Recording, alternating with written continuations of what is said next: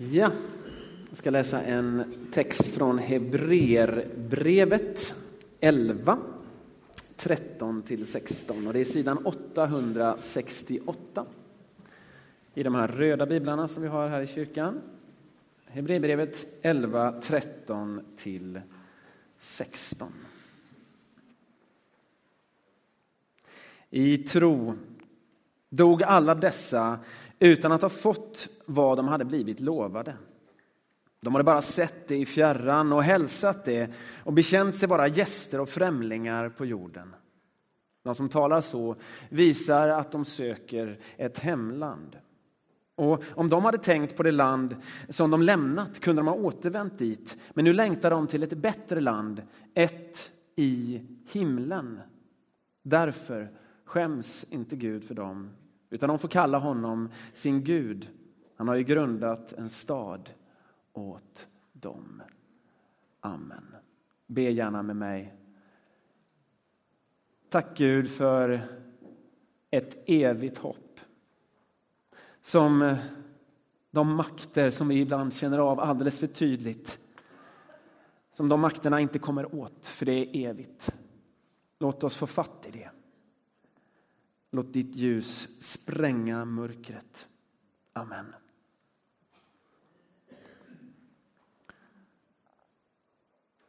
Har du blivit lovad någonting som du sen inte har fått?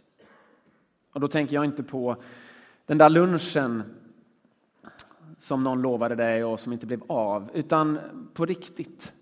Ett djupt löfte om livet kanske, om hur det skulle bli. Och du lever ofullbordad. Det har inte blivit som du trodde. Det kan handla om ett löfte från Gud. Du kanske har hört Gud tala till dig, eller du har läst i Bibeln eller fått undervisning och det har varit ett löfte om hur livet ska vara, Guds plan för ditt liv. Och du lever med ouppfyllda löften. Eller löften som vi uppfattar från livet självt. Som jag uppfattar från livet självt, som jag märker när jag blir sjuk. Då blir jag besviken och frustrerad. Så här ska det inte vara. Jag uppfattar liksom att livet har lovat mig hälsa och välgång. Och jag tror det är så att vi automatiskt, intuitivt känner av att i livet så ligger det ett löfte om hälsa, om goda relationer, om ett meningsfullt arbete och så vidare. Och sådana löften kan vi nog var och en, många av oss i alla fall, leva med ouppfyllda. Det har inte blivit som vi hade tänkt. Då kan första versen i den här texten vara något av en tröst, tänker jag. I tro dog alla dessa. Dessa, vilka då? Jo, Abraham, Isak, Jakob, Sara och deras efterföljande. De dog utan att ha fått sina löften uppfyllda. Det är inte vilka som helst. Detta är själva grundarna av det judiska folket. Det var ju Abraham som först slöt förbundet. Liksom.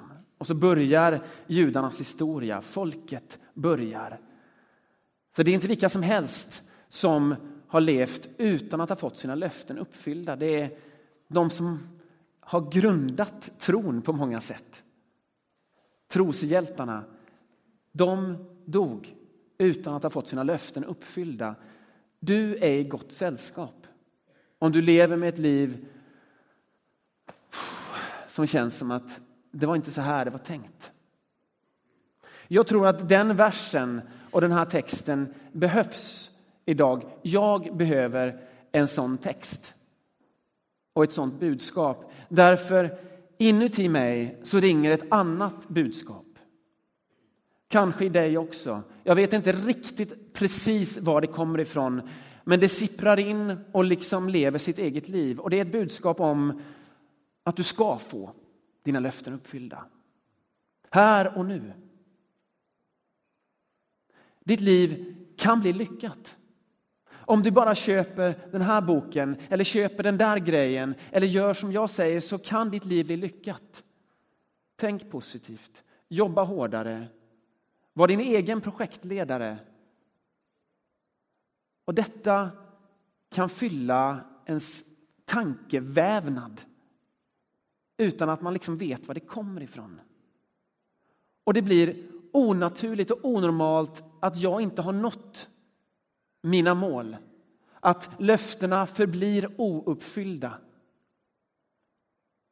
Jag vet inte om det har med eh, Facebook att göra. Det är alltid bra att kunna skylla på något. Facebook är ju en sajt på nätet där man liksom delar sitt liv lite grann. Eh, Instagram, där delar man bilder. Och på de här sajterna så blir det ju väldigt lätt så att det man delar är liksom grädden på sitt liv lite grann. Så att om man, om man öppnar de här ställena, det man ser då det är ju massa lyckade liv. Det blir som en vägg. Människor har det bra. De är på semestrar hela tiden.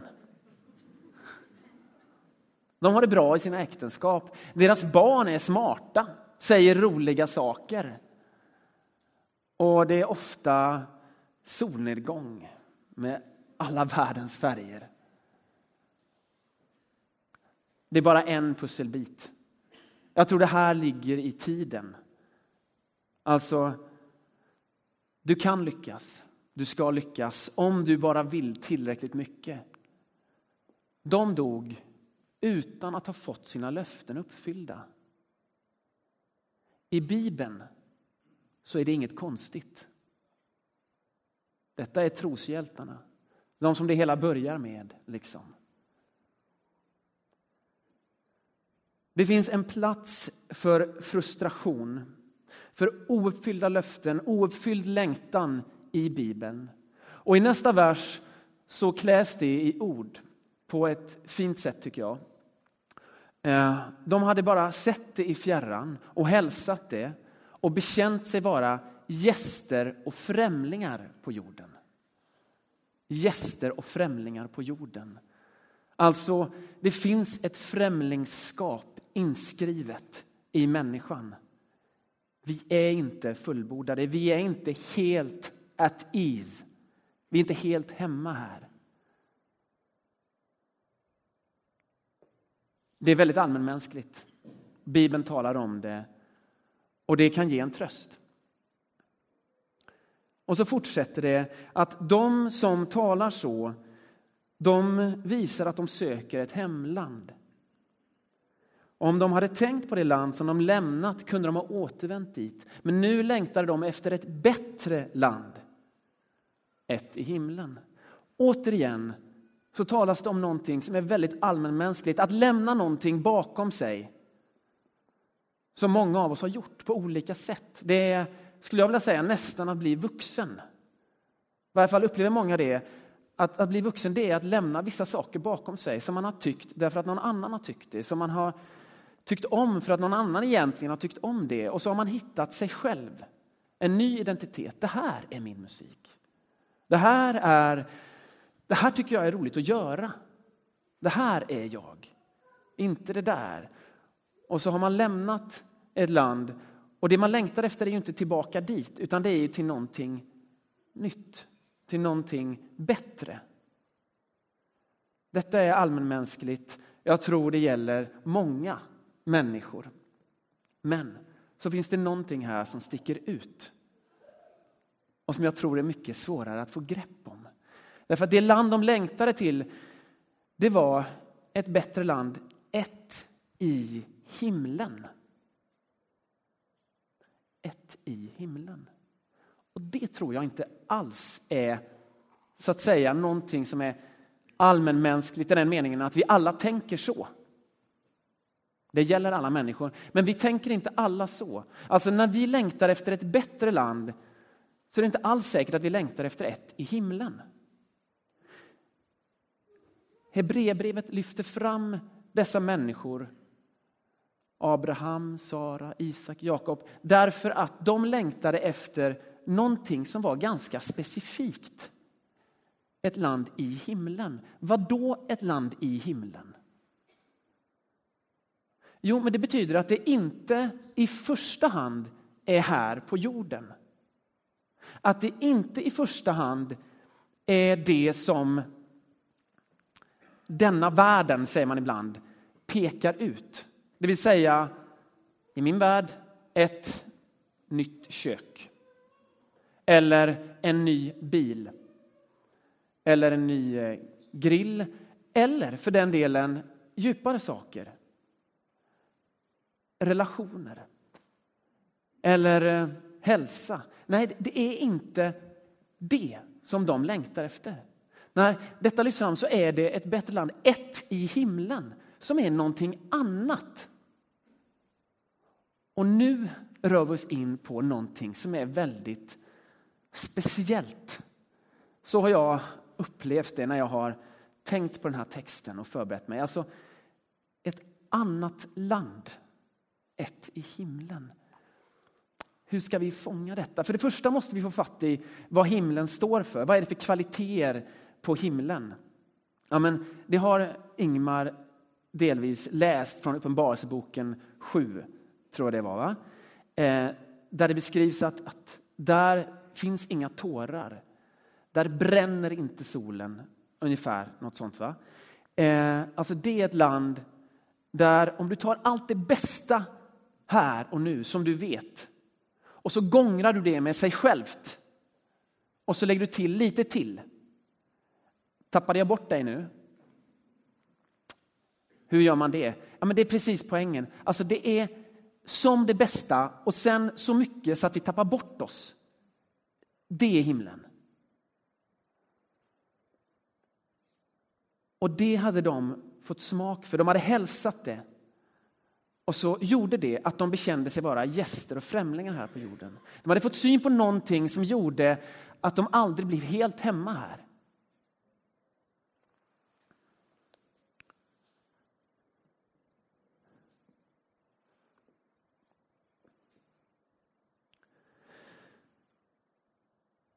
Kan man, få, kan man vara förankrad? Kan man ha blicken på ett annat ställe?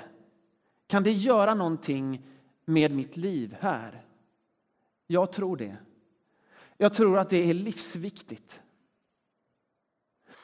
Därför att vi blir väldigt lätt uppslukade av våra livsprojekt. Av det som vi brinner för här. Och det kan vara väldigt goda grejer.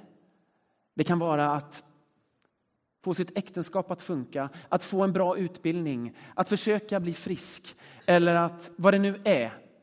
Alltså det kan vara väldigt goda grejer. Men när vi hänger upp våra liv på de sakerna, om det ytterst är det som vi har framför våra ögon, då kommer vi antagligen alltid att bli besvikna. Och jag tror du kanske känner igen det, för att Även om vi har många ouppfyllda löften så är det också så att vi ibland faktiskt har nått våra mål. Hur smakar det? Ja, det är gött.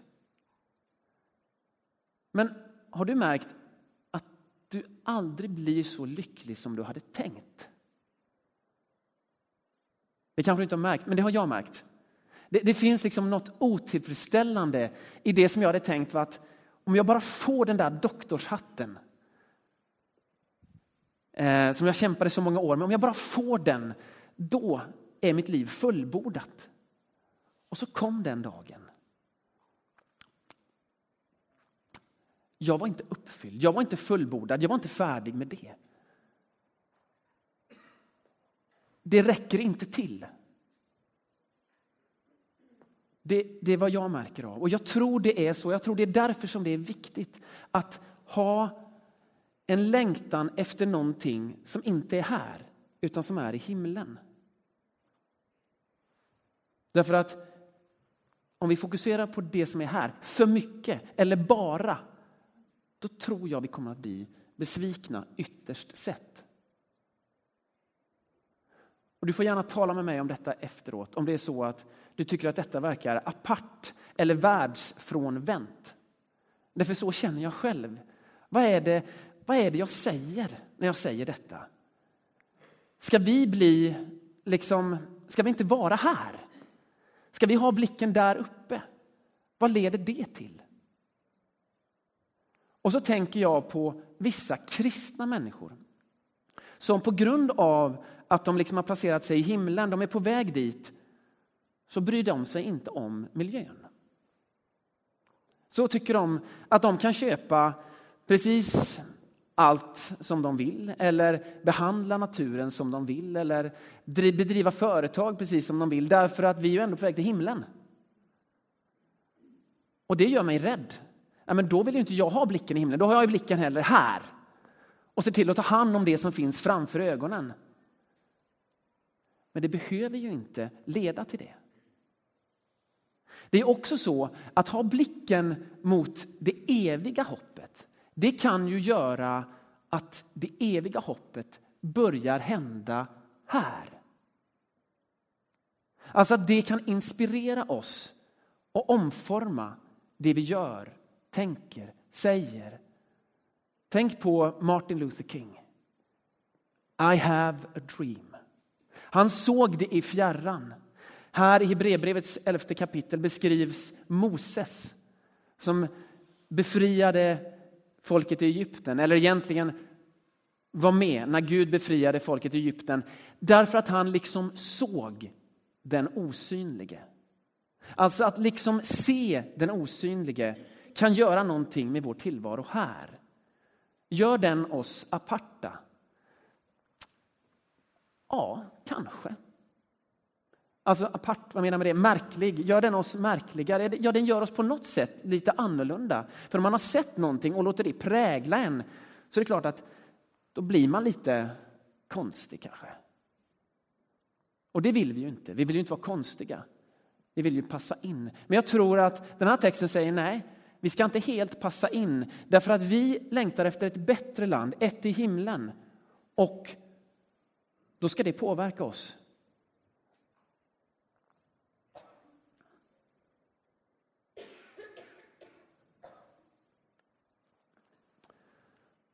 Och då tror jag att vi kan sättas igång med en hel del projekt.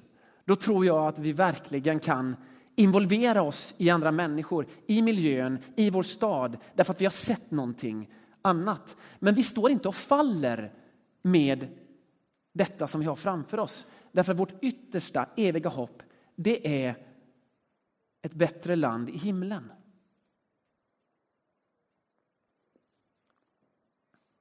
Och det här blir förstås speciellt viktigt när saker omkring oss fallerar.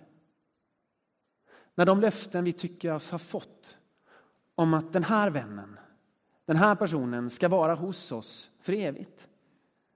Så är det lätt att tänka. Utan att man tänker på det så utgår man ifrån det. Och att då få ha ett evigt hopp. Att ha blicken på någonting annat också. Och få lita på att vi är på väg mot himlen. Så tror jag man kan tänka utifrån den här texten. Jag tror att den här kyrkan är ett uttryck för att några människor har fått syn på och hälsat någonting där borta. Synligt genom Jesus. De har fått syn på det och så yttrar det sig på det här sättet genom dessa toner och sånger, genom det här bordet med nattvard, genom dessa ljus så uttrycks ett bättre land, ett i himlen. Det vi är med om, det är tänkt att det skall göra det här osynliga synligt. Men ändå låta oss liksom ha blicken på och låta oss ha blicken på landet i himlen och inte fastna i det som är här. Ja, ni hör, det är en balansgång på något sätt. Ehm, och jag, jag, letar efter orden. Ehm, jag skulle vilja ta upp en sak. Om vi nu talar om det eviga hoppet. Om vi nu säger att det som händer idag, det är ett vittne om det eviga hoppet. Att vi kan få tro på detta Speciellt när allt annat faller omkring oss. Då skulle jag också vilja ta upp eh, något svårt. Nämligen att Ibland så är hoppet så levande för oss. Ibland så är det så som det står här, att de liksom hade det här framför sig. Läs hela Hebreerbrevet här, kapitel 11. Hur folk har haft det framför sig, de liksom har sett den osynlige. Och ändå så är det så att för många av oss, även om man bekänner sig vara kristen, så kan detta hopp bli så mörklagt. Jag vet inte om det har hänt dig, men jag känner att det måste tas upp denna dag. Därför att det är dessvärre så att vi kan veta detta, vi kan ha hört det hundra gånger och ändå så är det så när sorgen drabbar eller när ångesten drabbar eller depressionen kommer eller vad det nu är så blir det där hoppet plötsligt mörkt. Fast det inte ska vara det. Det står ju för ljuset men det kan ändå bli mörkt. Alltså ungefär så som vi sjöng i Ylva Eggeholms psalm. Att hamnen blir mörklagd.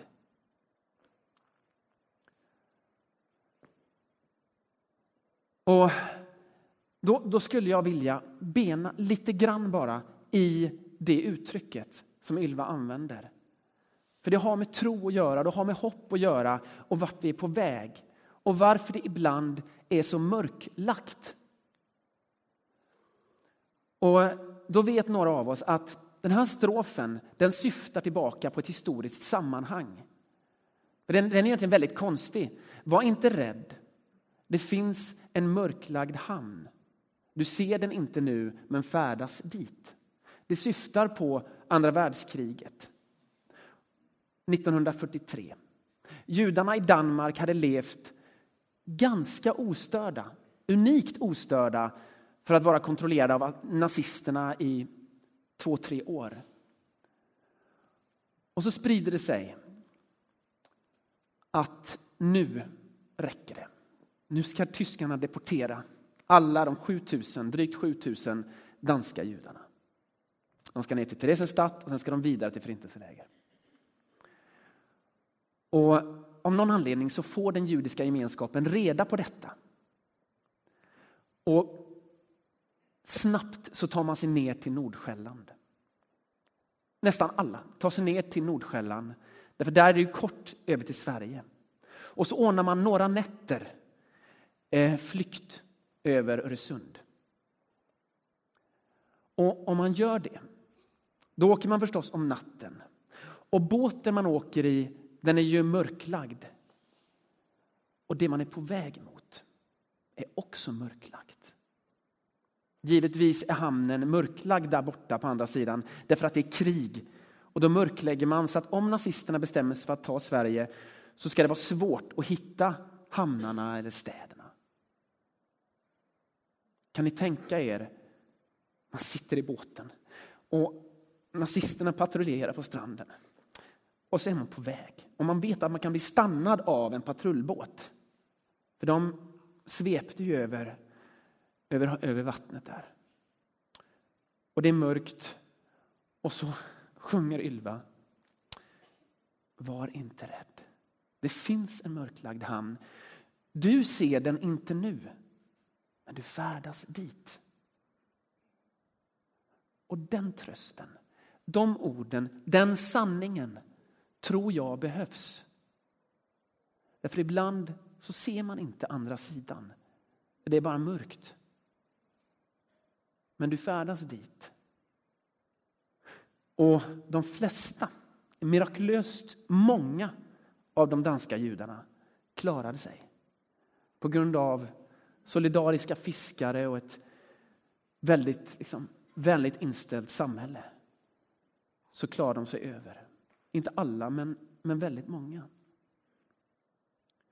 Och Det som är trons förvissning och trons budskap i Jesus Kristus det är att du behöver inte vara rädd, även om det är mörkt. Varför inte det? Varför behöver du inte vara rädd när dina nära försvinner eller när du blir sjuk? Därför att ytterst sett så är det eviga hoppet oförstörbart. Det är nämligen i himlen. Och det är oförstörbart. Och Guds kärlek är så ofantligt stor. i Jesus Kristus. Där ser vi detta oförstörbara hopp. Där ser vi himlen. Hur då? Vi ser det i hur han behandlar andra människor. Vi ser det i hans kärlek och där ser vi också det totala främlingskapet som vi själva känner av. Alltså när kärleken kommer in i världen, då klarar världen inte av det, för det är för apart, det är för främmande. Så man spikar upp denna kärlek på ett kors. Men döden och världen kan inte hindra den kärleken. Det är liksom oförstörbart så att han uppstår och hamnar liksom med en himmelsk kropp som inget kan komma åt, som döden inte kan komma åt. Därför behöver du inte vara rädd, för den kärleken gäller dig. Ja, men gäller den verkligen dig? Okej okay, att den gäller dem, men gäller den verkligen dig? Du älskar ju inte Gud tillräckligt mycket i alla fall du är ju inte så helig som du skulle kunna vara. Du är ju inte så lyckad som du skulle vara. Löftena har ju inte uppfyllts. Jo, den gäller dig i befintligt skick, precis som du är. Därför behöver du inte vara rädd på den punkten. Du är på väg. Och en natt så blir det vitt och stjärnor växer ur hans famn. Det är du på väg mot, även om du inte ser det nu. Gud, jag förstår knappt detta själv. Eh, och ibland så litar jag inte på det heller. Men jag vill lita på det, jag vill höra de orden och jag vill få den blicken på ett evigt hopp som inte beror på vad jag gör, på vad jag tänker på hur mitt liv ser ut därför att du har betalat priset. Din kärlek räcker. Och jag behöver inte vara rädd. Hjälp mig med det. Amen.